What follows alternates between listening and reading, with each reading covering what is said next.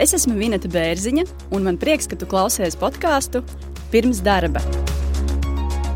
Mans podkāsts ir cilvēcīgas un saprotamas sarunas par darba meklēšanu un atrašanu.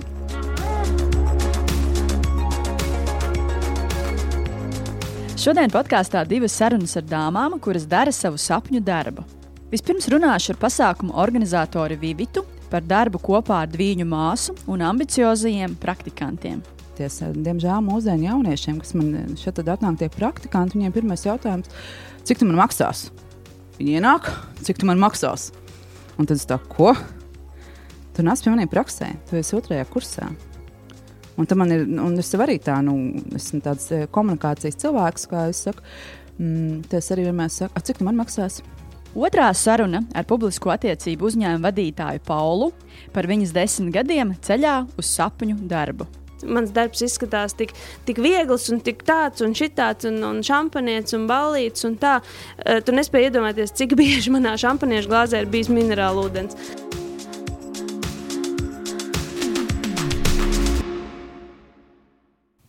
Pie manis podkāstā šodien ir Vivita Leismane. Uh, Vivita ir māsas Leismanes zīmola autore. Šodien varbūt pietrūkst otra māsa, uh, Evita. Attiecīgi, jūs esat divas, uh, Vivita un Evita. Uh, esat viņu māsas.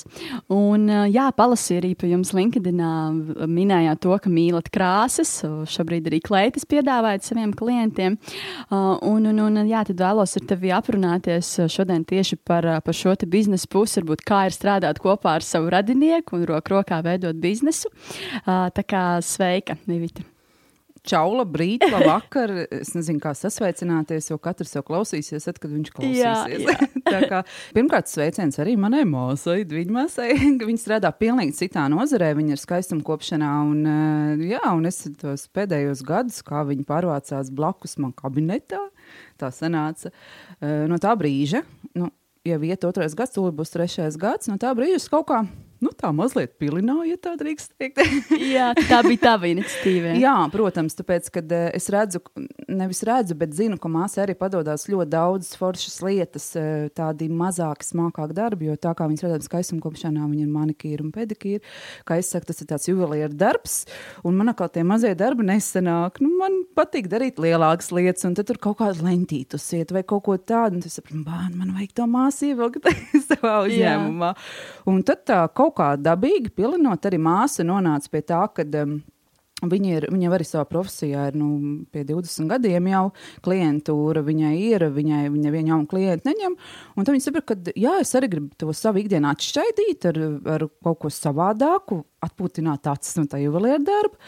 Un tad īstenībā, paldies Covidam, paldies pandēmijai, vienu dienu braucot ar ričukiem, piestājām iedzert uh, vīnu glāzi pie, Jā. pie Līnas mūnieces patām. Un uh, kaut kā radās ideja, ka, eju, Bet mums taču ir tik daudz Pinterestā saglabāts idejas un domas, ko mēs gribam realizēt. Nu, kāpēc tagad? Mēs to nevarētu darīt, jo laiks Super. jau ir. Un, un pateicoties šim, šim visam burbulim, kas mums ir šis covid, kā jau saka, mošķis, eh, mēs eh, sākām pamazām eh, radīt šo savu māsu leismanas zīmolu um, ar mērķi mm, veicināt sievišķību. Um, ģērties krāsa, nevis kā papagailis, bet eh, ģērties eh, košāk. Nu, man prieks redzēt, ka tu arī šodien ļoti labi koši izskaties. Paldies, es gribēju vecāt, kāpēc tu šodien neesi Es nezinu, es kaut kā, jo zin kā, es, es ģērbjos pēc garstāvokļa, un šodien man bija tāds pelēks garstāvoklis ar sarkaniem akcentiem. Ja? Jā. Bet mūsu atkal tie zīmola doma ir. Um, šūt kleitas, kas ir roku simtprocentīgi darbs, mums ir vairāk meistari, kas strādā pēc mūsu dizaina, pašas nesāt šīs kleitas un reklamēt, jo mēs esam totāls kleitu holiks, mums bikses, mēs māsas smejamies, ja māsa atnāk uz darbu ar biksēm, tad viņai ir simt punktu un garīgais šodien, tad Jā. netraucēt. un, un tā mums radās tā doma, ka mēs gribam to sievišķību, tās krāsas un vairākas interjera priekšmets, eh, kas um, Jo tagad mūsdienās ir stilīgi interjeri veidot tur pelēks, melns, balts, un tam mums grib krāsas akcentiņi ielikt. Un tad mēs arī radām dažādas, ar dažādiem meistariem, mums ļoti labiem draugiem, dažādas interjeru priekšmetus, eh, lai atsvaidzinātu ikdienu, lai iedvesmotu cilvēkus, nebaidīties rudenī uzvilkt sarkanu kleitu vai ziemā Var nopirkt sarkanu mēteli, kāds ir man.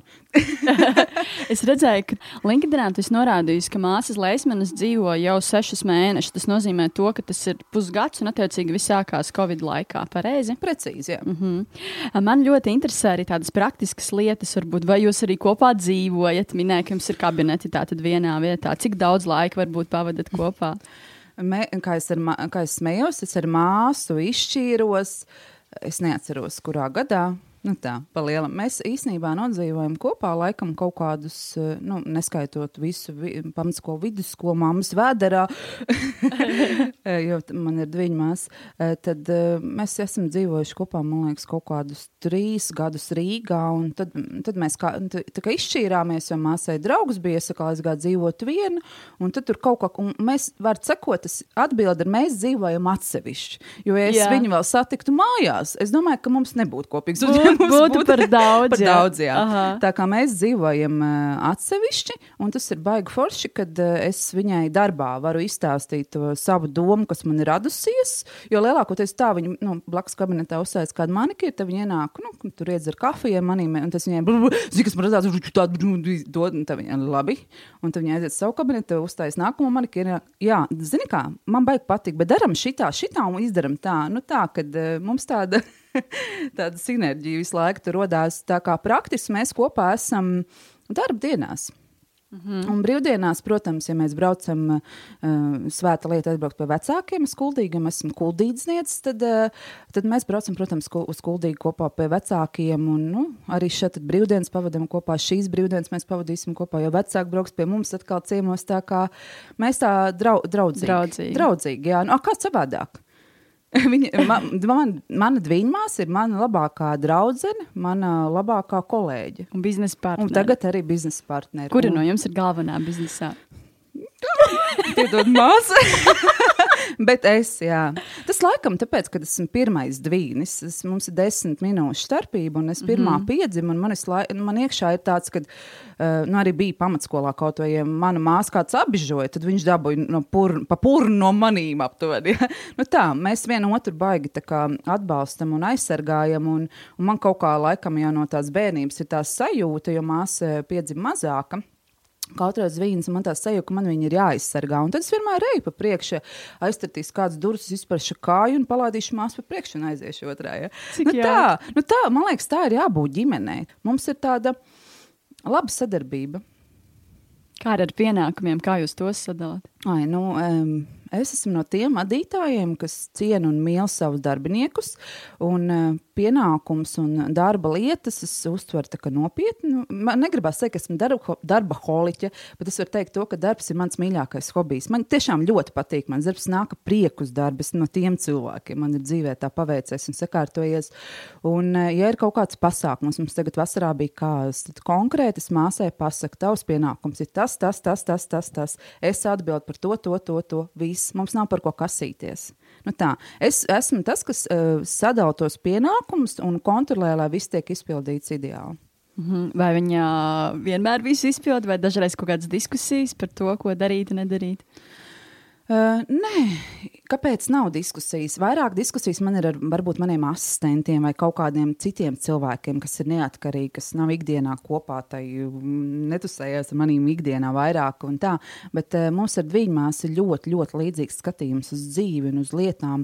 Mums pat ir pasākumos tā, ka es uz viņu kā, paskatos ar acu skatienu. Viņi saprot. Ja? Jā, un viņi saprot. Ah, skaidrs. Mhm. Tā kā darba ziņā un pienākumu ziņā esmu tā Gribās eh, teikt, tā stingri uh, pateikusi, ko es vēlos, kāds ir rezultāts. Un, un es teikšu, godīgi, savā viņmāsā es neesmu nevienreiz vilsies. Tas varbūt ir tikai tāpēc, ka mums, tāds, mums ir viens vecums, viens tāds skatījums. Mēs dzīvē esam daudz kulušās kopā un atbalstījuši viens otru. Un, un viņi vienkārši tā, ka, nu, negribās teikt, ka kā, kā grāmatu man spēj izlasīt un nolasīt. Mēs arī esam tikai cilvēki un garsaukuļi ir mainīties un viss kādas citas lietas, bet kaut kā viņi uzsver to manu sajūtu par pienākumiem, paturpinot, kā ar klētām, kur, kura no jums vai attiecīgi algoja darbinieks uz šo? Nu, par vasaras klētām mēs izkāvāmies. Tad tomēr nav viss tik gludi. nē, nē, nē, protams, nav. Ir, Ir tāda asumiņa, ka, nu, ja, nu, ja es esmu tāda, kam patīk tāds, nu, kaut kāds, nezinu, tāds, kā māsa, tad tāds hipsterīgāks stils, māsa man ir ļoti liela romantiķa un tāda klasiska, un tad saliekot tos kopā, nu, ir bijuši apkaujas. Bet uh, tad es, uh, protams, uh, tā kā esmu mācījusies arī, nu, uzņēmē darbību un vadības, tad es māsa saku, nu, daram tā, lai mums nebūtu galīgi jāsakojās. Ja? Izdodot savas pirmās klētas, es zīmēju mm, skici vasaras klētai, vasaras kolekcijā, un tu zīmē rudens. Tad Viss, jūs sadalījāt tā kā godīgi. Un vispār nebija vairs diskusijas par to. Un kurš šu? Uh, šuj mums ļoti laba draudzene. Viņa vienkārši arī pandēmijas laikā palika bez darba. Un tad arī kaut kā tā salikās ar to, ar to braucienu Ričuku, tas vīniņš un tā draudzene. Un tad, tad tā, un tad mēs domājam, bet pats mums jau sen ir doma par tām kleitām. Un tad kaut kā kā puzlītes salikās, un mēs sakam, hei, mēs tev dosim darbu. Un viņa bija ļoti, ļoti sajūsmā. tā kā gaidiet, eh, jā, mans māsas sevits eh, rudens kleits, jo vasara pieder man. Labi. Uh, man arī tos LinkedIn profils, kas ir diezgan tāds uh, krāsains, ja tā var teikt. Tev ir dažādas pieredzes, dažādās jomās. Uh, šo jautājumu daudziem esmu jautājusi. Uh, kas ir tava profesija? Mm -hmm. Un ko tev citi atbild? uh, kaut ko līdzīgu sāk mm -hmm. domāt, uh, stostīties, un uh, tad pasaka, ka, ka nevar pateikt. Nu, ja tu gribi pēc papīriem, nu, saki, kā, kā gribi. Esmu beigusi ekonomikas kultūras augstskolu, kultūras vadības, un mana kvalifikācija ir kultūras iestādes vadītājs. Tā kā praktiski jebkuru kultūras namu es varu ietvadīt. Nu, to es tā, sev tā saku, smējot, jo to es ticamāk kaut kādā vecumdienās, ka man nebūs tik daudz enerģija, kādā kultūras namā varbūt kuldīgā pašivarēšu. Jā.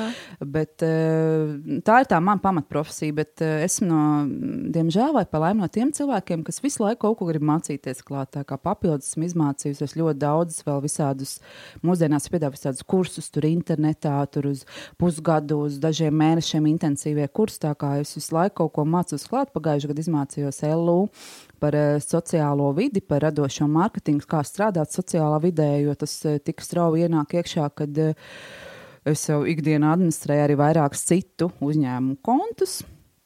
Un tas ir īstenībā mans pamats pašlaik aizraušanās bez, bez mūsu kopējā brenda. Nu, organizēju kāzas, ja, korporatīvos pasākums, kas ir mana tā pamatā izglītība, bet eh, tā kā man ir pieredze arī mm, mēdījā, es kādreiz strādāju Latviešu radio, eh, kā mārketinga cilvēks un, un, un, un, un, un iepazinos ar daudz mūziķiem iepazinos ar Gunteru Ačeru, Elatu Milgrau, arī pie viņiem kādu laiku pastrādāju, tad es arī esmu mūzikas menedžeri izmācījusies caur, caur Cik praksē. daudz jau vesels. Jā, nu tā, kad, kad nu, tāpēc es, nu, un tagad lūdzu pasaka, kā lai to nosauc vienā vārdā. Bet mans jautājums ir tāds, vai tas ir tavs apzināts lē, lēmums tik daudz darīt, nevis koncentrēties kaut ko vienu? Um, es nezinu.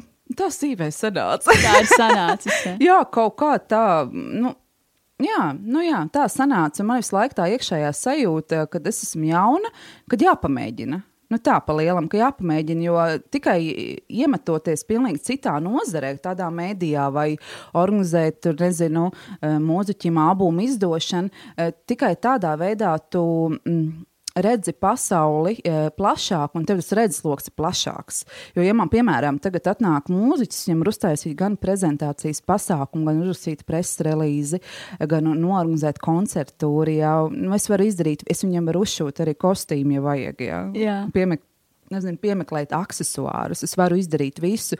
Un man iekšējā tā sajūta bija tāda, ka, ok, forši man ir tā vadītāja vadītāja augstskolas iegūtā izglītība, bakalaurs, ja, bet uh, man gribās piemācīties klāts, man gribās tā kā no A līdz Ž nodrošināt lietas, un tad es pat tā pilinot pa lietiņām liku klāt, un man tā iekšējā sajūta tāda, ka forši, ka tu zini, kā jūtās cilvēks studijā, tu zini, kā jūtās tas cilvēks, kas šeit ir to tērpu, tu zini, kā jūtās, ka, kad uzkāpis skatos un jāpaņem tas mikrofons un jāiedvesmo, tu nezini, simts cilvēku, tu zini no visām pusēm, un tad ir brīnišķīgi, ka tu kā vadītājs pēc tam, kad tu vadi, piemēram, pasākumā to komandu, kas bieži vien ir kaut kā 30 cilvēku, mūziķi, ēdinātāji, tur bārmeņi.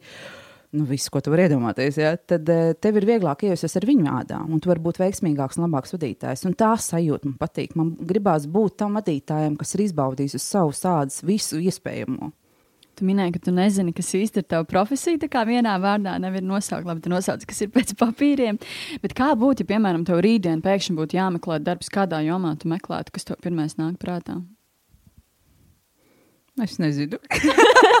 nu, godīgi. Tu vispār kādreiz esi meklējis darbu? Nē.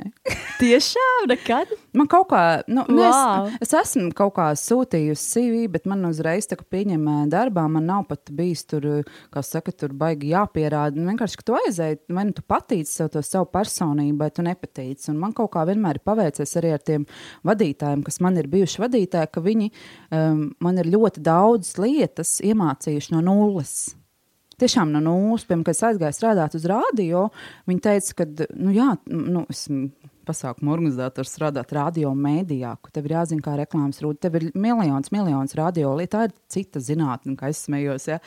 bet eh, tie vadītāji notic, un viņi saka, es tev iemācīšu. Un tad tu intensīvi tā divus mēnešus mācījies. Arī pie Gunteļa Račka es aizgāju strādāt. Man bija jau radio pieredze. Es zināju, kā izdot dziesmas, kā tikt radio, kā, nu, kā Kā vispār darīt lietas kaut ko mūzikas virzienā, ar mūziku saistītas, bet Račs man atkal iemācīja to, kā reāli izdot tās dziesmas, kā vispār producents, ko dara producents, kā organizēt koncertu, kā kaut vai uzrakstīt preses relīzi, jā, nu, mūzikas tajā industrijā, lai tie mēdī vispār publicētu. Un tad tu, ok, tas mēdījis publicē, bet kā veidot pēc tam attiecības ar to mēdīju? Nu, tā, tā kā es varu teikt, īstenībā liela paldies visiem, visiem nu, pagaidzi jāizskata, cik man tie vadītāji bijuši dzīvē, eh, kad eh, viņi ir eh, noticējuši man un uh, iemācījuši ļoti daudz lietas no nulles. Un, un, uh, un paldies man, ka esmu arī sev kā, metus ārā no lājas un tieku uz peldvīvi.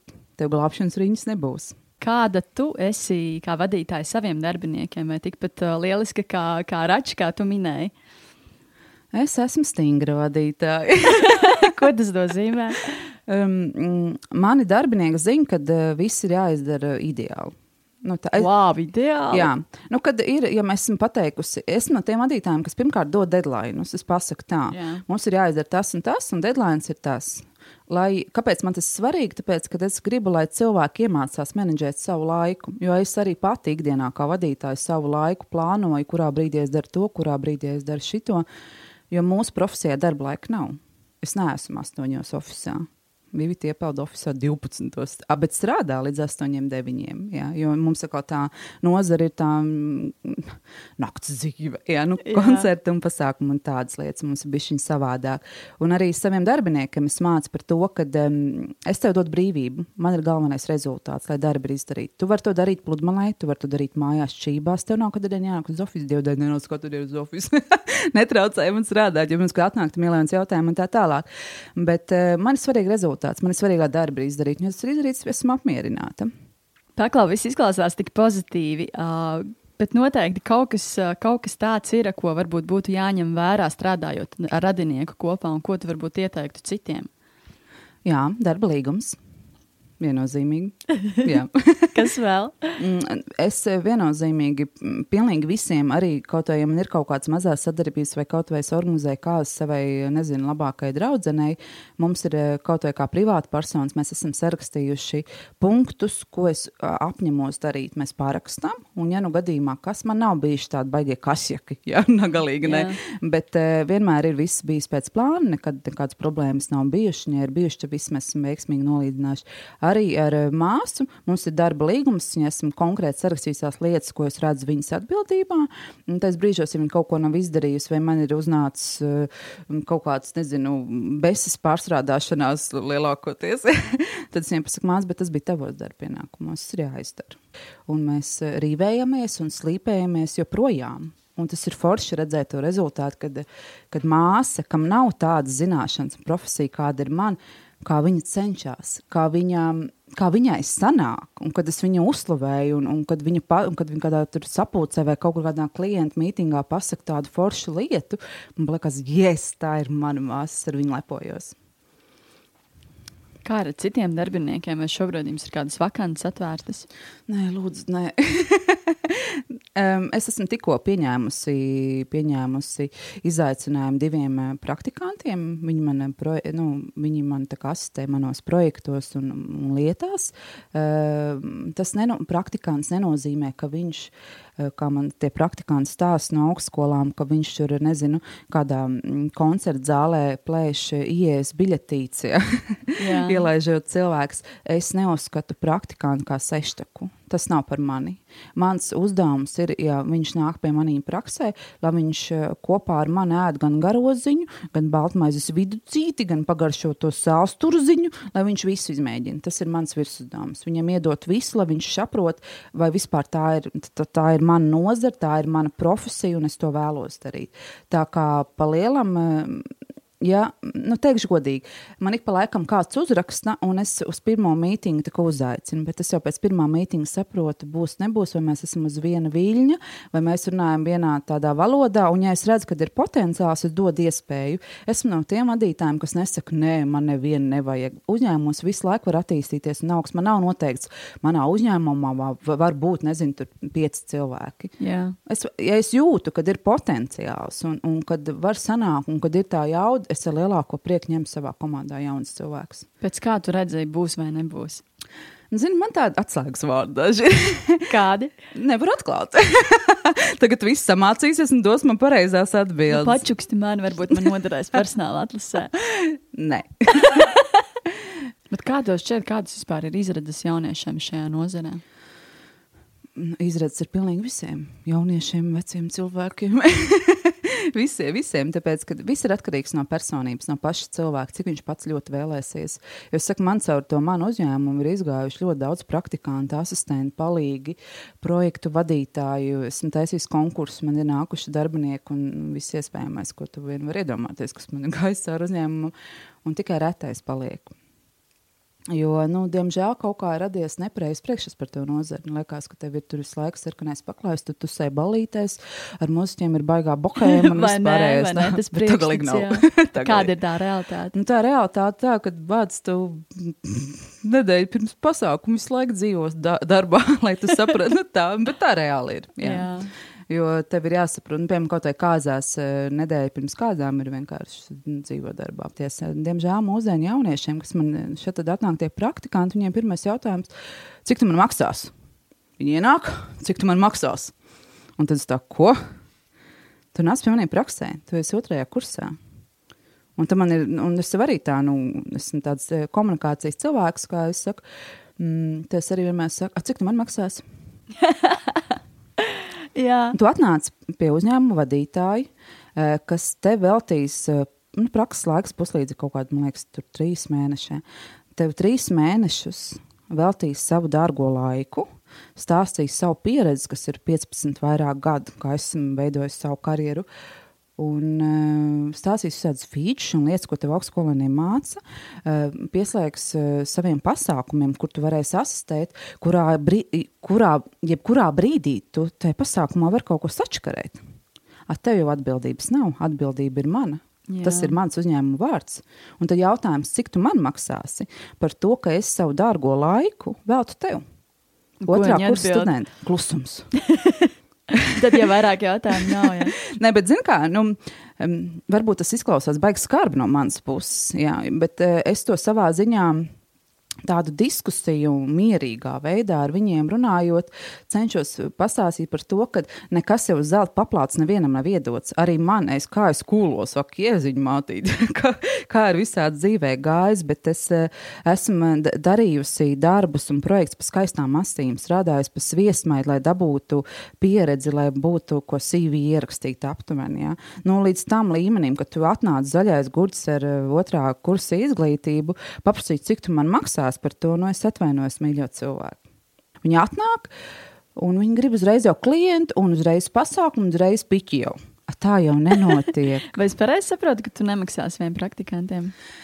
Eh, es maksāju tikai tad, ja viņš ir dabūjis klientu projektu. Jo arī par prakses līgumiem visām augstskolām ir eh, līgumos ir minēts, eh, tu vari parakstīt ehm, prakses līgumu ar, ar tādu punktiņu atķeksē, ka tu maksā un ka tu nemaksā. Es esmu sapratusi, ka es labāk ielieku krustiņu tur, kad es nemaksāju. Jo tad viņam ir lielāka motivācija un mērķis izsisties. Es viņiem saku, manā problēmas jums samaksāt, bet es gribu, lai jūs paši nopelnat to naudu no A līdz šeit, nevis nu, uz mani jā, dzīvojiet. Es to negribu. Jo Jo jāsaprot arī tas, kas ir tā garoziņa mūsu profesijā. Ir koncerti, ir pasākumi, ir kāzas, un ir mēneši, kad nav. Un ko es daru tajā brīdī, no kā es pārtieku tad? No iekrājumiem, vai ne? Būtu jau labi. nu, tieši tāpēc esmu tik dažādi mācījusies un tik dažādi to savu dzīvi izveidojusi, lai, kā es saku, spētu visu to gadu strādāt dažādās nozarēs un visu gadu tiešām arī katru mēnesi strādāt un nebūtu tie tukšie, tukšie mēneši. A, tas uh, praktikants atnāk, viņam tas seja, ka visu laiku būs pasākumi. A, tā jau nav. Atnāk mūziķis, viņš jau, oi, novembrī man tur bija, nezinu, astoņi koncerti, ko lai janvārī dara, a, ko lai baro ģimenes. Saku, nu, tad, nu, jābūt ir pamatdarbiņiem, ko tu dari nu tā, un kaut kā puslodzītē, lai tu varētu samaksāt tur īri, pabarot bērnus. Man gribās arī tiem praktikantiem teikt, ok, tu izmācīsies tur, nezinu, pasākumu organizēšanu, vai tur, nezinu, svētku režiju vai kāzu organizēšanu, bet ko tu vari piemācīties klāt vēl? pasargā sevi, bet bieži vien tie cilvēki, es izmācījos, un tagad visu mūžu šajā profesijā strādāšu. Tā jau nebūs. Tas kuģis jau visu laiku šūposies, un te būs jāspēj viņam šūpoties līdzi. Paldies, Vīvita, par mūsu dinamisko sarunu. Man ļoti patika. Paldies, ka tu uzaicināji. Un, uh, man bija prieks šodien būt un pastāstīt daļu no savas tāda profesionālās dzīves.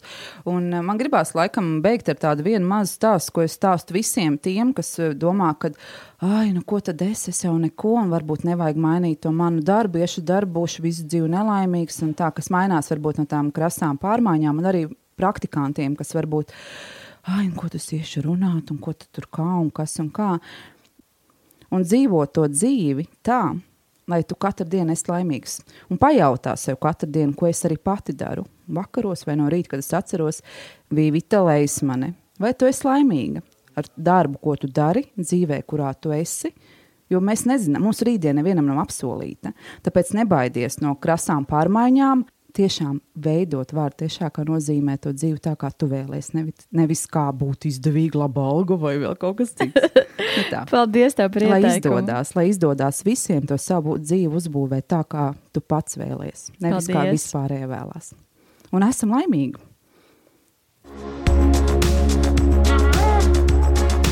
Šī podkāstu epizode ir pusē, uzpildām kafijas krūzi un turpinām sarunas.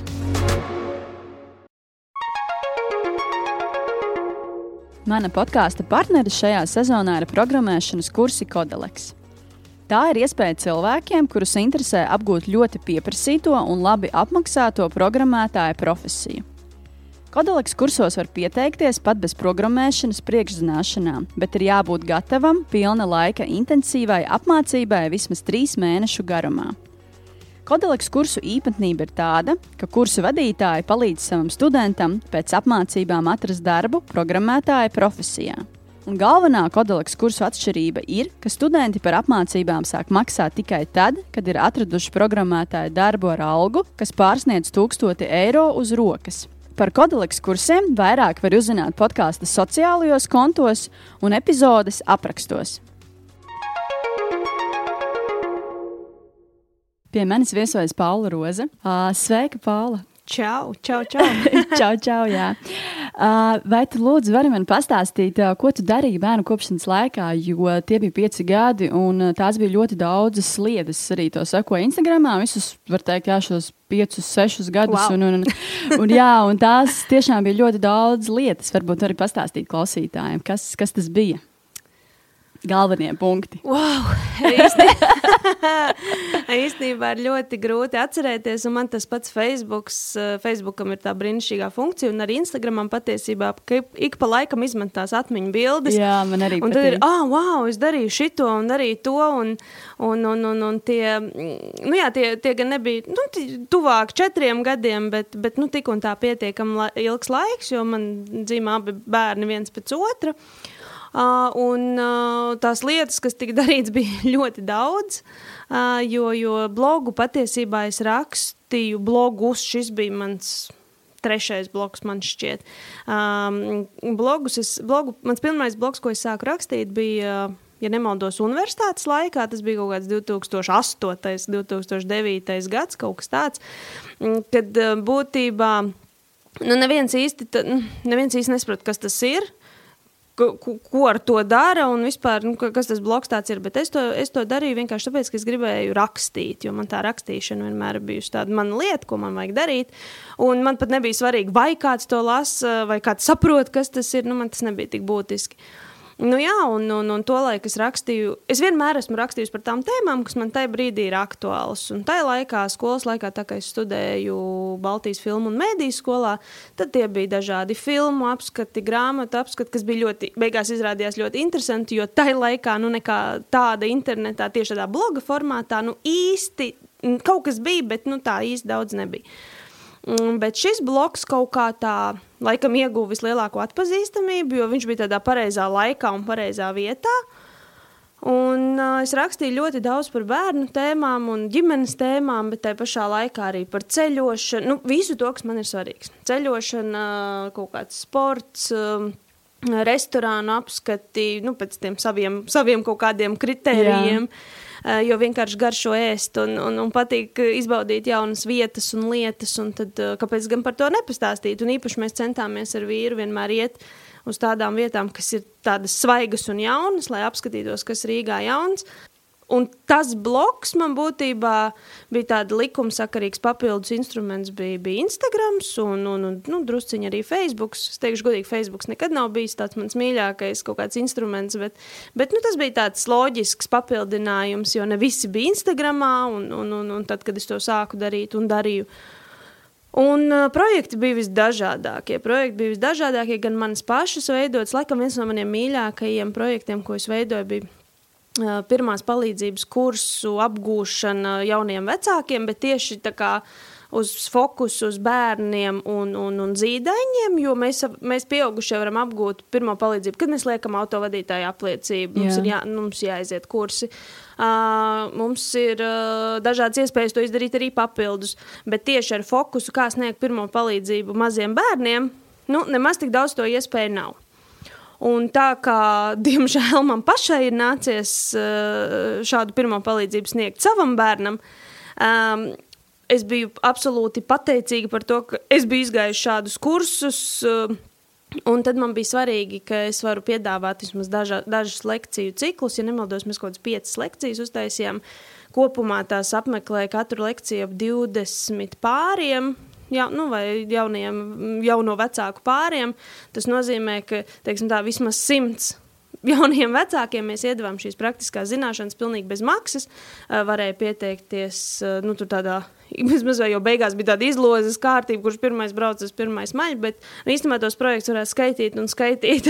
Un, un ir bijuši ļoti daudz dažādu interesantu sadarbību un, un, un, un tā. Bet, um, Tad, kad es atgriezos no bērnu kopšanas atvaļinājuma, es sapratu, ka pirmkārt tā kapacitāte nav tik liela, vairāk, lai varētu to darīt.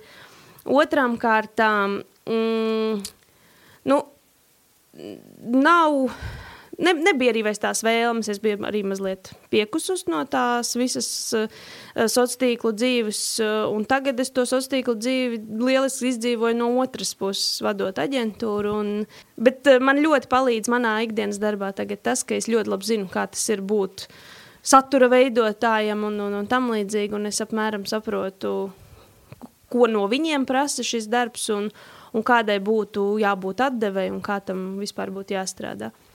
Pieci kā. gadi ir diezgan ilgs posms. Esmu dzirdējis, ka sievietēm pēc pieciem gadiem bērnu kopšanas atvaļinājumā nav viegli atrast darbu. Ko es no malas redzu, varbūt mm -hmm. teiks, ka nebija citādāk, ka tev bija viegli atrast darbu. Uh, Kā, kā, kā bija patiesībā? Vai tas, ko tu darīji piecos gados, visas šīs aktivitātes, tu kaut ko iemācījies un tu mm -hmm. guvi attiecīgi, lai, lai uzreiz uh, iegūtu šo darbu? Mans pats pirmais darbs bija tad, kad man bija 13 gadi. Tas bija, sāku no kopš 13 gadu vecuma, es strādāju katru vasaru kaut ko citu. Interesantā kārtā man pirmais pats darbs bija sabiedrisko attiecību aģentūrā, kas šobrīd ir viena no lielākajām Latvijā. Bet tas bija no sērijas asistenta asistents. Um, kas bija brīnišķīga pieredze, un viss bija fantastiski. Un, un, bet nu, tas bija vasaras darbs. Un tā no šiem 13 gadiem, būtībā līdz universitātes beigām, es katru vasaru nu, kaut kur strādāju. Bet tad, kad es pabeidzu universitāti, man bija. Tad man bija pirmā reize, kad man bija grūti atrast darbu.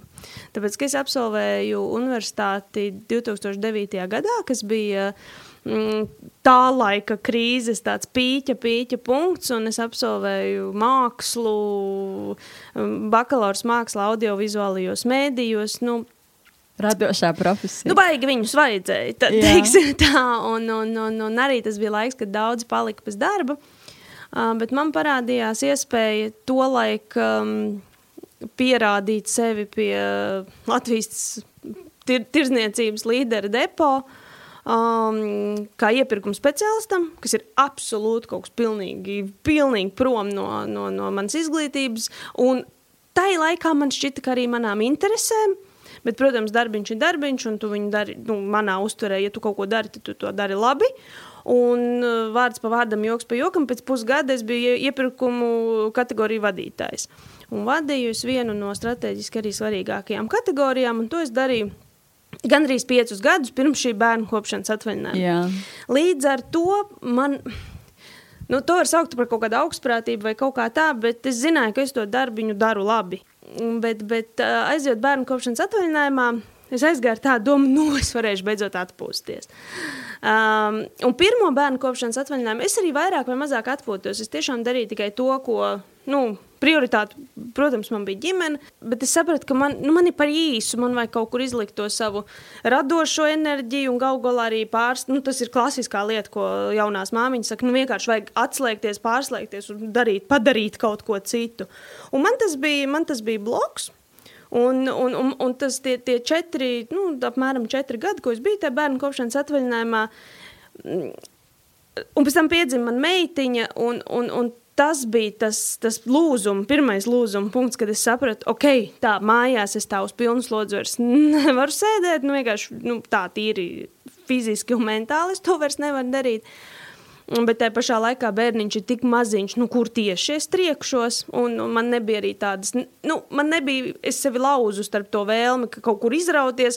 Un tad, nu, es biju vienmēr tā mamma, kura bija ar visur, visa, esmu bijusi uz tikšanām ar bērnu padusē un tam līdzīgi. Un ar autokrēsliņu runāsim klusu, jo viņš tagad guļ, bet mēs varam visu sarunāt. Un tā tas arī vienmēr bija, Jā. un visi bija absolūti saprotoši. Un, un godīgi sakot, es, es nezinu, vai es teikšu, ka es kaut ko tādā ziņā iemācījos jaunu. Ziniet, kā es, es sapratu to, ka tas nu, nekas nav nejaušs. Tajā visā, kā tas dzīves ceļš ir gājis, tā skaitā arī gan depo, saliekot kopā šo blogošanas pieredzi, gan arī pēc, pēc tam meklējot šo darbu, nu, pēc bērnu kopšanas atvaļinājuma visa tā ķēdīte ir bijusi ļoti, ļoti, ļoti secīga un galu galā loģiska un salikusi kopā vienu tādu konkrētu pieredzes un zināšanu bumbu, kas ir nu, vajadzīga tagad vadot radošu aģentūru. Mm, bet es nevaru teikt, ka man bija grūti atrast darbu pēc bērnu kopšanas atvaļinājuma. Tieši tāpēc visa šī garā pentera stāsta dēļ, ka tā pieredze jau būvējās nu, būtībā pietiekami sen, un profesionālajā pasaulē, nu mani, um, tas tā, tā saucamā retail pasaulē, man pietiekami labi jau zināja, un, un tad es pieteicos uz vakanci uh, Rimī Baltī, arī kategoriju vadītājs tikai Baltijā, uh, un uh, šo darbiņu es arī ieguvu, bet paralēli uh, es jau intervējos arī Polhemā, nu, kur es esmu šobrīd. Bet kāpēc tev Rimī sanāca tie četri mēneši? Kāds mm -hmm. bija tas iemesls? Tāpēc, tev bija cits piedāvājums? Uh, nē, tāpēc, ka, tāpēc, ka pirmām kārtām mm, Polhems ļoti ilgi domāja. Otrām kārtām, tāpēc, ka man šķiet, ka viņi no sākuma izvēlējās citu kandidātu. Kaut arī viņi bija paši tie, kas uh, mani uzrunāja. Un, uh, jā, viņi atrada, atrada un uzrunāja mani. Un tā kaut kā tas aizgāja. Vienkārši sanāca tā, ka Polham atlases process bija no oktobra līdz martam. Wow. Un līdz ar to es uh, oktobra beigās, no, nekādā novembra beigās saņēmu piedāvājumu no Rīgā.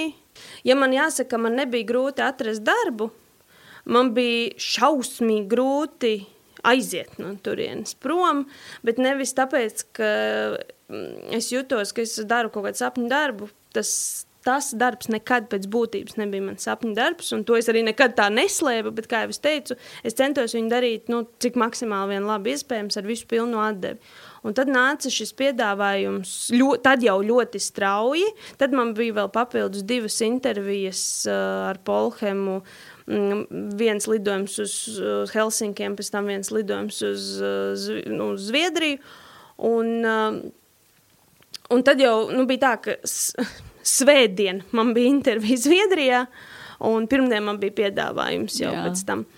Un, uh, un tad man sākās tāds. Um, Nu, es biju kā kaķis, kuram atvēra durvis, kurš, ļo, kurš ļoti gribēja, lai tās durvis atverās, jo, jo, jo skatoties arī uz manu izglītību, nu, es vienmēr esmu kaut kā sevi redzējis dabiski PR. Es arī vienmēr smējos, ka man iniciāļi ir PR. Un uh, tur ir pilnīgi nu, skaidrs, kā, kas būtu jādara ar dzīvi. Uh, bet tā dzīve visu laiku, nu, es biju tajā rītēlā un kaut kā šķita, nu, labi, nu, viss, nu, ko tad es te tagad mainīšu, un visi forši. Un tad pēkšņi negaidīt, absolūti atverās šīs durvis vadīt uh, aģentūru. Uh, šeit Latvijā mazu uzņēmumu. Uh, Un, kad es vadu milzīgu kategoriju Baltijas līmenī, nu, ciparu līmenī absolūti nesalīdzināmas vienības, ir cilvēki, kas vēl joprojām čau mammu un tēti, kas vēl joprojām saka, ka tas bija traks un varbūt muļķīgs lēmums mainīt, bet um, un es kaut kādu nu, nedēļu stabili tur cimperlējos pie tām durvīm. Tur tā kā jūs man tagad atvērāt durvis, ņau, un es neiekšā. Kas tev palīdzēja izlemt?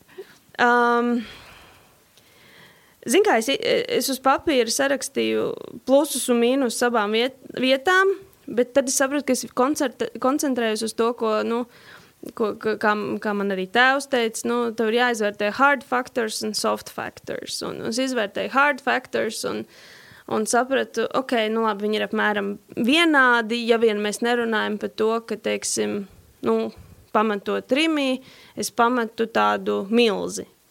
Un es uh, aizēju uz kaut ko absolūti nelielu salīdzinājumā. Ja man nebūtu ko salīdzināt, tad, tad, tad tas nebūtu tik sarežģīti visticamāk. Bet uh, soft faktori nostrādāja. Es vienkārši zināju, nu, man bija sajūta, ka man ir jāpārbauda, vai es tiešām to, kas esmu iedomājusies, ka es gribu darīt PR, um, ka es tiešām to gribu darīt. Un piedāvājums bija pietiekami labs, arī pie, pietiekami konkurētspējīgs. Un, un es pat ne, neļāvu izteikt sev pretpiedāvājumu, ejot prom, jo man arī sanāca, nu, būtībā, ka es pateicu visu, noteikti man bijusi Rimī vadība arī un komanda ļoti lieliski atcerās to. Es biju ļoti atvērta. Nu, es biju ļoti atklāta par to, ka nu, ir, ir šis cits piedāvājums, bet es viņu vēl neesmu pieņēmusi un es nezinu, ko darīt. Uh, un tad es vienkārši domāju, domāju, domāju, ļoti mocījos. Vienā vakarā es apgulos mm, blakus uh, saviem abiem bērniem, liku viņus gulēt. Un vienā brīdī es tā paskatījos uz viņiem un sapratu, nē, man ir jādara kaut kas, ko es vienmēr esmu domājusi, ka es gribu, nevis kaut kas, kas ir pareizi uz papīra. Jā. Un uh, tas ir risks nu, šādā, šādā kontekstā. Īpaši, ka tu it kā jau esi uzkāpis pa kādām karjeras kāpnēm kaut kur pietiekami augstu, un, un teiksim, uz papīra tu izskaties nu, tā zolīdi. Tu strādā tādās lielās kompānijās un korporācijās un tam līdzīgi. Bet es vienkārši paskatījos uz saviem abiem bērniem. Es, saku, es viņiem katru dienu stāstu, ka tu vari būt, kas tu gribi būt, un tev ir jādara tas, ko tu gribi darīt. Un es pati to nedaru. Kā tas tā strādā? Tu minēji, ka Rimija nebija tavs sapņu darbs, vai šis darbs ir tavs sapņu darbs? Tas noteikti ir uh, pakāpiens virzienā uz sapņu darbu. Šis pēc būtības ir kaut kas, ko man ļoti patīk darīt. Un man, es gribētu domāt, ka arī tīri labi padodas.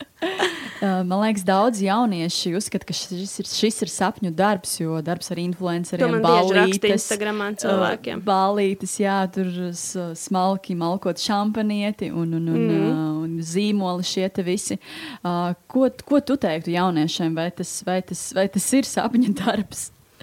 Un vai jauniešiem mm. par šo sapņot vispār? Pie manis ir bijuši, mēs arī esam atvērti Polhimā ar to, ka mēs ik pa laikam uzņemam dažādas nometnes vai karjeras nedēļā pie mums atbrauc jaunieši tieši ar šo jautājumu, kas ir tas, ko jūs vispār darat. Un uh, tad es arī vienmēr stāstu, ka es esmu būtībā astoņkājs.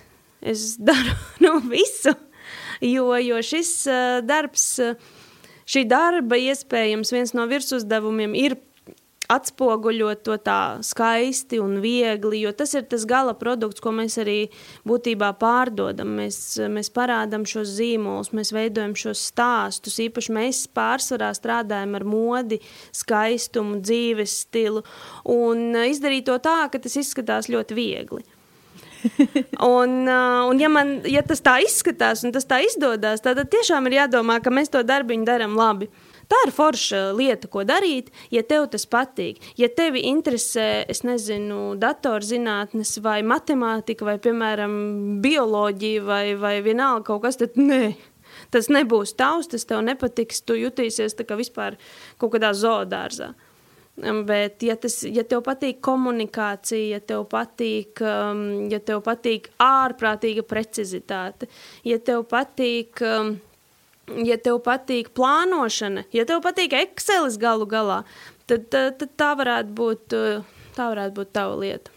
Bet kā tu domā, cik vispār ir tādi cilvēki Latvijā, tieši kā tu, nevis influenceri, bet tieši tie, mm. kas kūrē visu šo darbu un organizē? Mm. Jo es ticu, ka viņi nav tik daudz nemaz, jo visi pārējie jau ir tā tās mazās bitītes, kas attiecīgi uh, dara tos darbiņus, mm. bet tu esi tā, kas saprot to visu organizē un, un, un attiecīgi, lai ir tā gala bilde man ir ļoti grūti pateikt, es, um, cik ir vēl citi cilvēki, kas tieši šādā formātā strādā, jo arī vadītāji izvēlās dažādus vadību modeļus, bet, um, bet es esmu vadītājs, kurš. Uh, kurš uh, sagatavo, kurš atrod klientu, kurš uh, vai klients atrod mani, un tad es ar viņu izstrādāju stratēģiju, vienalga, kas nu viņam ir nepieciešams. Uh, Un galu galā es esmu vadītājs arī, kurš izmazgās grīdas un izmazgās, nomazgās logus, ja tas būs vajadzīgs, jo ja, ja man būs sajūta, ka viņi neizskatās pietiekami reprezentabli. Nu, tā kaut kā. Ko tur būtu ieteikt citām sievietēm, kuras arī ir būt uh, 5, 4 gadus bērnu kopšanas atvaļinājumā? To, ieteiku, to, ko es ieteiktu pilnīgi jebkurai uh, jaunajai māmiņai tev ir jādara tā, ta, tas periods ir du, primāri uh, koncentrēties uz bērnu. Varbūt, ne, ja man kādreiz būtu iespēja būt mājās ar, teiksim, trešo bērnu vai kaut kā tā, es visticamāk vispār izmestu telefonu kaut kur dīķī un, un, un, un datoru neatvērtu pusotru, nu labi, es tā saku tagad. bet, bet, bet, teiksim tā, es, to, es visu to nedarīju tik intensīvi. Jo tas jau bija, es jau vienā brīdī biju paņēmusi tā, tādas jau nu, divas slodzes. Viena mājās, viena, divas pilnas slodzes, un viena, viena rakstīta, un dažādi projekti, un, un dažādas sadarbības, un viss kaut kas, ka bija jau bišķiņi par traku. Man te ir vēl viens jautājums par privātumu. Uh, daudz dzīves stila blogeri Instagramā liek bildes ar savu ģimeni, ar bērniem, arī tu tā skaitā. Arī. Kā, kā var novilkt tās robežas? Man liekas, ka mūsdienās jau to robežu gandrīz vai tādā normālā izpratnē nav. Uh, ja mēs runājam par kaut kādu, es nezinu, tiešām abstrahējoties varbūt no tās bērnu tēmas, uh, ja mēs runājam par kaut kādu kailumu vai, vai, es, vai, vai es nezinu kaut ko, tad arī tam īsti to robežu nav tādā izpratnē, ka tagad jau ir ļoti daudz kas. Ar katru gadu man tāds ir, ka daudz vairāk lietas tiek normalizētas par ķermeni, par, par, par vispār to, kādi ir cilvēki, cik mēs dažādi esam. Uh, un, un tās robežas ir, uh, nu, viņas ir tieši tik plašas, cik, cik, cik dažādi cilvēki mēs esam. Un uh, es visticamāk neieteiktu neka, nu, neko. Es tiešām laikam ieteiktu koncentrēties uz to internetu drošību. Pārējās tās robežas, nu, tas ir tas, kas tev ir normāli, kas tev un tavai ģimenei ir normāli. Un es domāju, ka tad jau, ja tev tavs mērķis ir tieši sekotājs dabūt, vai, vai nu, ja tu gribi būt influenceris, piemēram, tad, tad jau viss ir no tavas ētikas un cik tu esi tālu gatavs iet, ko tu tādēļ esi gatavs darīt. Bet es tomēr ieteiktu atcerēties, ka internets ir internets, tā sociālā dzīve sociālā dzīve. Atcerēsimies arī to, ka nevajag salīdzināt tas, ko es jau esmu arī publiski vairāk kārt teikusi. Nevajag salīdzināt savas aizkulisēs ar citu skatuvi, jo visiem ir aizkulisēs, bet parādām mēs savu skatuvi. Un tieši tāpat kā tu teici, ka vistic, mans darbs izskatās tik, tik viegls un tik tāds un šitāds un, un šampanietis un ballīts un tā. Uh, tu nespēji iedomāties, cik bieži manā šampaniešu glāzē ir bijis minerāla ūdens. Un, uh, un, un, un, un, un, un, nu, un tam līdzīgas nianses, lai tas vienkārši, tam, tam ir jāizskatās viegli un forši un tev, tev vienkārši jāsaprot, ko, ko, ko, kāpēc tu vispār tur esi, ko tu tur dari, priekš kam, vai tas tev vienkārši kā albumiņš Jā. ir. Kas arī pilnīgi ir ok, vai tu gribi no tā kaut kādu, nu, ka tu gribi to darīt kā darbu. Un, ja tu gribi to darīt kā darbu, tad tev ir jā, jāsaprot arī, ka būs visāda interesanta kritika tavā virzienā, un dažreiz vispār šķiet, ka neadekvāti cilvēki tev rakstīs. Nu, un tam līdzīgi. Nav noslēpums, ka arī darba devēja un personāla atlases mm. speciālisti arī skatās Jā. uh, kandidātu profilus uh, sociālos tīklos, Facebook, Instagram mm. un tā tālāk. Un bieži vien arī vērtē šos cilvēkus mm -hmm. pēc profiliem. Un, attiecīgi, mēdz būt situācijas, kad neuzaicina uz darba intervijām, vai attiecīgi ir bijis uz darba interviju un ir fināla kandidāti. Viņus apskatās Facebookā, un tur ir kaut kādi nesmukumi, mm -hmm. nezinu, alkohols, narkotikas, mm -hmm. balītes un cita veida piedzīvojumi. Mm -hmm. Un tad, attiecīgi, varbūt ir. Uh, izlemts varbūt neturpināt sarunas ar šo cilvēku. Ko tu par to domā? Nu, man šķiet, ka es pats sekoju dažiem cilvēkiem, kur neslēpj dažādas uzdzīves elementus. Tas, protams, nenozīmē, ka es uzreiz daru tāpat un dzīvoju tāpat, bet es zinu, ka, piemēram, šie cilvēki visticamāk nekad nepieteiksies uz kaut kādu korporatīvu amatu bankā. Nu, vienkārši tur nekad nebūs, tāpēc, ka viņš ir, piemēram, mūziķis vai mākslinieks. Un, un viņu tas visticamāk tādā kontekstā neskars. Iespējams, viņš mūžā nezinu, nevienu CV neaizsūtīs, lai viņu vispār kāds uh, personāla atlases speciālists tādējādi pētītu. Bet uh, es domāju, ka tas ir pilnīgi normāli, ka personāla atlases speciālisti to dara. Uh, Es pati nezinu, vai man kādreiz ir atteikts tieši dēļ tāda iemesla, bet nu, varbūt mazums, jo ir jau arī bijuši atteikumi manā virzienā. Nav jau tā, ka visas durvis man ir vaļā. Es uh, darba intervijas uh, no paša laika gala, ko man tēvs ieteica, pirmajā, pirmajos 13 gados, to es vēl joprojām turu aiz auss, ka darba intervijas arī ir bišķiņkā sports. Un, uh, Un, un, un, un es pilnīgi absolūti saprotu, kāpēc īpaši lielie uzņēmumi pēta arī šos profilus, jo, kā mēs visi zinām, personāla atlases speciālisti mūsdienās vairumā gadījumu vairs nemeklē tikai, lai kandidāts izpilda šos ķeksīšus par savām, savu teiksim, tā, tehnisko atbilstību amatam, bet viņus interesē arī tomēr, nu, palabojies kļūdos, bet arī, nu, personība. Tā pašā laikā es arī, protams, saprotu, nu, kā, nu, mans Instagrams, ko gribu, to lieku. Bet, uh, Nu, es saku, nu man, man nekad nav, nu man, man reputācija man ir bijusi vienmēr ļoti svarīga, es saprotu, ka mana reputācija nav tikai mana reputācija, bet tā ir arī ķēdīte aiziet. Mana, mana vīra reputācija, manu bērnu nākotnes reputācija, manu vecāku reputāciju un tā, tā manu draugu reputāciju. Darba tā, tā. Nu, darba devēja, un tieši tā, un es pilnīgi absolūti saprotu, kāpēc uzņēmums varētu nobīties, pieņemt kādu, kurš Instagramā, nu, tā, kā tu minēji, liek vai nu kaut kāds vaiprātīgs ballīts vai kaut kas tam, nu, kaut, kaut kas, kas absolūti nu, neiet kopā ar to ētiku, jo tad vienmēr būtu gandrīz ar vienu, nu, viņa darba devēja prātu, visticamāk būtu ar vienu aci jāuzmanās, nu, vai viņš tur kaut kā nepsapsihosies un kaut kādas muļķības nesāks darīt. Man šķiet, ka tie ir lieliski instrumenti, es arī esmu skatījusies, eh, pieņemot darbā cilvēkus eh, šobrīd. Esmu, protams, skatījusies, kas tur notiek un kā, kā tas izskatās un kāds ir mans nu, tas tāds feelings par, par, par, par to cilvēku. Pauli, par ko tu sapņoji, kad tev bija 18, 20 gadi? Kas bija tavs sapņu darbs, tavs sapņu profesija? Mans, uh, man sapņu profesija no bērnības bija kļūt par dēls teātra aktrisi.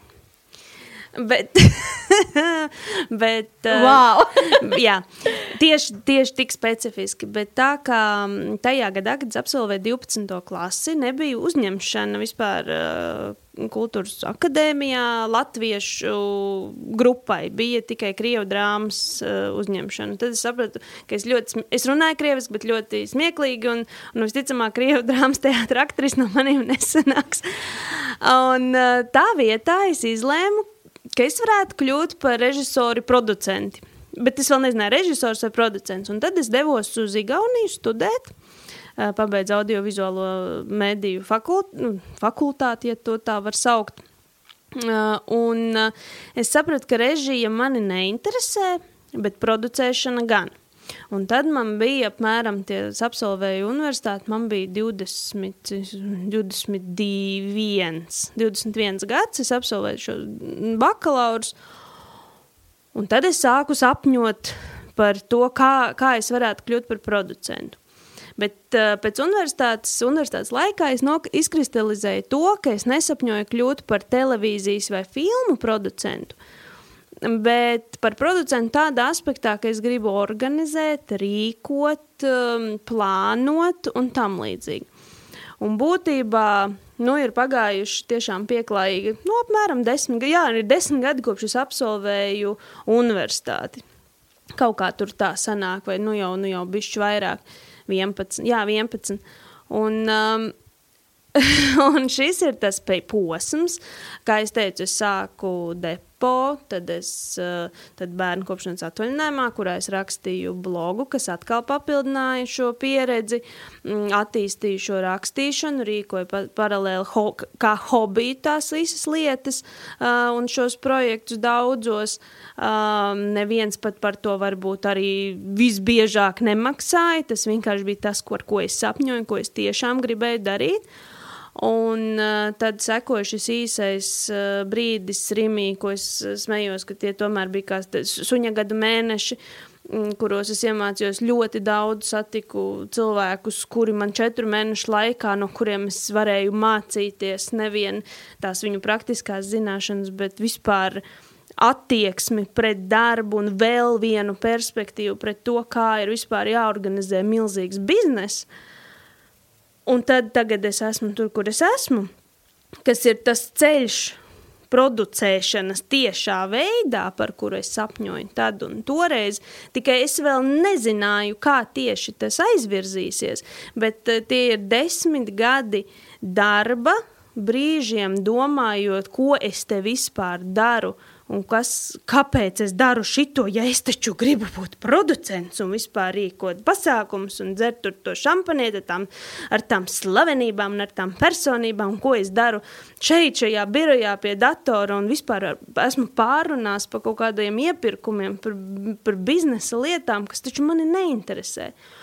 Un tad vienā brīdī atverās tev tās durvis likumsakarīgi, uh, Visticamāk, viņas tev tomēr atvērsies, jo tu tiešām tā konstruktīvi, smagi uz to strādās. Dažreiz brīžiem nesaprotot, kāpēc es esmu iekritis šajā puzles elementā šobrīd. Un tad desmit gadus vēlāk tā bilde pēkšņi saliekās, tu paskaties atpakaļ, ka tev tās durvis ir atvērušās tikai un vienīgi tāpēc, ka tu esi ļoti konstruktīvi licis to puzli kopā, tu esi ļoti, ļoti smagi strādājis, darot arī pa vidu darbus, kas varbūt nav tajā bildē, par ko tu esi tikai sapņojis, bet tikai tad tu saproti, ka, ka tas sapnis nozīmē arī tādu smagu darbu, ilg, ilgtermiņa, tie ir desmit gadi, un es uzskatu, ka man ir tikai tāds sapņa sākums – ka te nu mēs esam šīs pirmās durvis uz sapni beidzot ir atvērušās. Un tagad ir, tas, tagad ir tie nākamie soļi, uz kuriem atkal ir desmit nākamie gadi ir jāstrādā. Un, un tad pēc tam visticamāk būs vēl desmit gadi uz atkal kaut kāds nākamais solis. Jo, jo tiešām sapņot ir labi, sapņot ir forši un es, nu, to vajag darīt. Bet uh, ir jāapzinās, ka bieži vien ir jāstrādā lietas, jāstrādā, jādara darbi, kurus, pa kuriem tu brīžiem pat īsti nesaproti, kāpēc, es, nu, kā, kāpēc es to tagad daru. Bet dzīvē nejaušību tā, tādā izpratnē, manuprāt, nav. Un uh, jebkurš darbs tevi beigās ved. Nu, ir jāpatur prātā tā tā vīzija, kas ir tas tavs sapnis, visticamāk, un viņš jau arī transformējās. Un tad tu ej pa tiem solīšiem, solīšiem, solīšiem, un tad tu atskaties desmit gadus atpakaļ un saproti, man sapnis bija nu, kļūt par producentu. Ne televīzijā, ne kino. Bet kā, kā, kā es to varētu transformēt? Un tagad es, desmit gadi ir tieši pagājuši, 11, 10 gadi. Un es redzu, ah, es rīkoju pasākumus, es uh, organizēju uh, dažādiem milzīgiem pasaules slaveniem zīmoliem prezentācijas. Es uh, organizēju šīs influenceru kampaņas, uh, strādāju ar principā visiem atpazīstamiem cilvēkiem Latvijā. Un tad tu tā sēdi, ah, es esmu producents. nu, Tas sasniegus savu mērķi. Pirmo. Es pirmo, esmu sasniegus jā. to pirmo mērķi, par ko es sapņoju desmit gadus atpakaļ. Un tad es saprotu, ka tā ķēdīte nevienā brīdī nav īstenībā pārtrūkusi. Un īstenībā tad, kad man šķita, ka ir viss neloģiskāk, ir viss grūtāk, ir viss smagāk, tagad, skatoties atpakaļ, es saprotu, ka tur es esmu iemācījusies tās visvērtīgākās lietas, kas man tagad atkal palīdz daudz vieglāk operēt un darīt lietas, jo nekas jau tā vienkārši nenotiek. Un tas ir jā, sapņot ir labi, bet ir jāstrādā, lai to visu dabūtu gatavu. Paldies, Pāvils, par interviju. Uh, no šīs tev. intervijas var secināt to, ka sapņot ir labi, ir jāsapņo, bet arī jāsaprot to, ka tas iespējams prasīs ilgus gadus, lai sasniegtu savu mērķu un arī smagu Nevis iespējams, darbu. bet viennozīmīgi. ne, nu, ja mēs tā procentuāli sadalām, tad uh, 99% prasīs smagu darbu, nevajag būt naivam un domāt, ka kaut kas krīt kādam no gaisa, jo tā tas nav. Paldies! Paldies! Tev. Jūs noklausījāties podkāstu pirms darba. Katru otrdienu es publicēšu jaunu epizodi. Lai nepalaistu to garām, sadraudzējies ar mani Apple un Google podkāstu platformās un Spotify. Seko podkāstu tapšanas stāstiem Facebook un Instagram. Raksti komentārus, iesaki sarunu tēmas, pastāsti savu darba meklēšanas stāstu. Sadzirdēšanos!